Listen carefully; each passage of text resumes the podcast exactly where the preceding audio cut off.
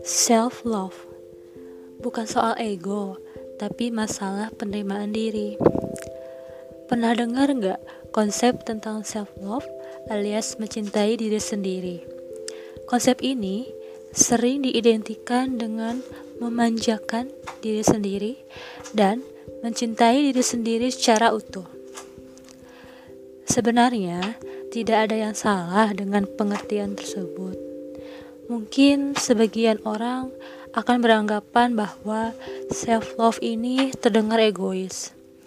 Namun kenyataannya self love ini adalah bagaimana kita bisa mencintai dan memperlakukan diri kita. Buktinya jarang kita menanyakan ke diri sendiri bagaimana cara mencintai diri kita. Tapi sangat sering kita mencari sumber yang menyatakan cara mencintai kepada orang lain, ya kan? Di sinilah fungsi self itu penting. Lalu bagaimana supaya self love ini dapat dilakukan? Yang pertama, mencintai diri sendiri itu bukanlah kesombongan, tapi itu adalah kewajaran. Saat masalah itu muncul, Sebenarnya yang pertama kali dilakukan adalah menerima dengan sadar akan kondisi tersebut. Karena dengan memaksa menghadapi tanpa menerima hanya akan membuatmu lelah. Terimalah masalah itu dengan tangan terbuka. Bukan karena kamu menyerah, tapi karena memang seperti itulah jalan kehidupan yang pada akhirnya mendewasakan kita, dan mungkin suatu saat kita akan berterima kasih kepadanya. Yang kedua, mencintai diri sendiri merupakan rahasia pertama dalam kebahagiaan. Saat kita mampu mencintai diri sendiri, kita akan belajar menerima akan kelebihan serta kekurangan yang ada dalam diri kita. Hal tersebut membuat kita bisa lebih bersyukur serta membuat kita jauh lebih bahagia.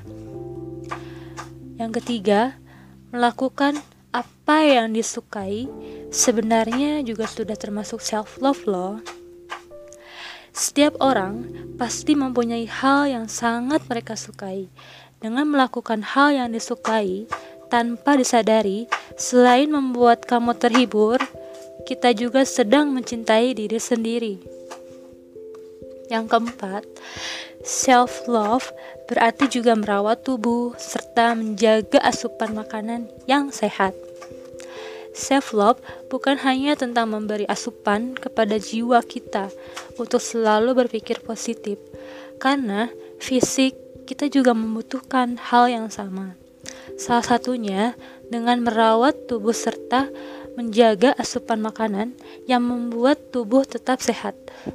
Tubuh hanyalah tubuh jika tanpa jiwa. Begitu juga sebaliknya. Jadi keduanya harus seimbang. Yang kelima, inti dari self love adalah selalu merasa bersyukur. Bersyukur atas badan yang sehat, bisa ber, ber, ber, berpergian, berada di tengah orang yang kita sayangi, adalah beberapa contoh dari sekian banyak yang dapat kita syukuri. Karena Allah tidak pernah menciptakan susah tanpa didampingi dengan mudah, selama kita mampu untuk terus bersyukur. Yang keenam, rasa enggak enak untuk menolak permintaan orang lain perlahan bisa membuatmu jadi kurang menghargai dirimu sendiri kamu boleh memprioritaskan kebutuhanmu sendiri, karena perasaanmu juga penting. Jangan lupakan itu, ya. Selanjutnya, apakah kamu tipe orang yang menempatkan diri di daftar terakhir untuk diprioritaskan?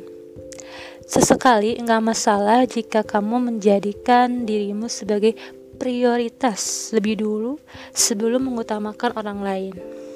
Selanjutnya, cintai dirimu apa adanya karena kamu tetap menawan dengan dirimu yang apa adanya. tak perlu meminta maaf dan menyesal telah menjadi dirimu yang sekarang. Tetaplah jadi dirimu yang sekarang ini ya. Selanjutnya ada kamu mungkin pernah merasa lelah karena harus mengerjakan banyak hal yang enggak berkesudahan. Cobalah ambil waktu untuk berdiam diri dan ucapkan, kamu dapat melakukan apa pun, tapi bukan semuanya. Lalu, sesekali nggak perlu merasa nggak enak untuk meminta sesuatu yang sedang kamu butuhkan. Kamu punya hak untuk itu kok. Lalu, walaupun berbuat baik itu menyenangkan, tapi bukan berarti kamu harus menyakiti dirimu sendiri agar orang lain bahagia.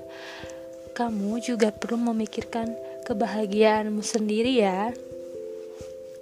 Selanjutnya juga ada seperti orang lain yang lain pun berhak mendapatkan kebahagiaan. Akan ada hari cerah di depan. Jangan menyerah pada dirimu sendiri. Perlakukan dirimu dengan lembut, seolah dirimu adalah bunga yang sedang mekar. Caranya, cintai dirimu sendiri dan buatlah mindset yang positif. Setiap orang pasti pernah melakukan kesalahan, punya hari yang buruk, dan merasa enggak sempurna. Jadi, kamu enggak perlu terlalu terpuruk ketika mengalaminya. Sebetulnya enggak ada cara yang benar atau salah untuk menjalani hidup. Yang ada hanyalah caramu dan cara orang lain yang mungkin berbeda.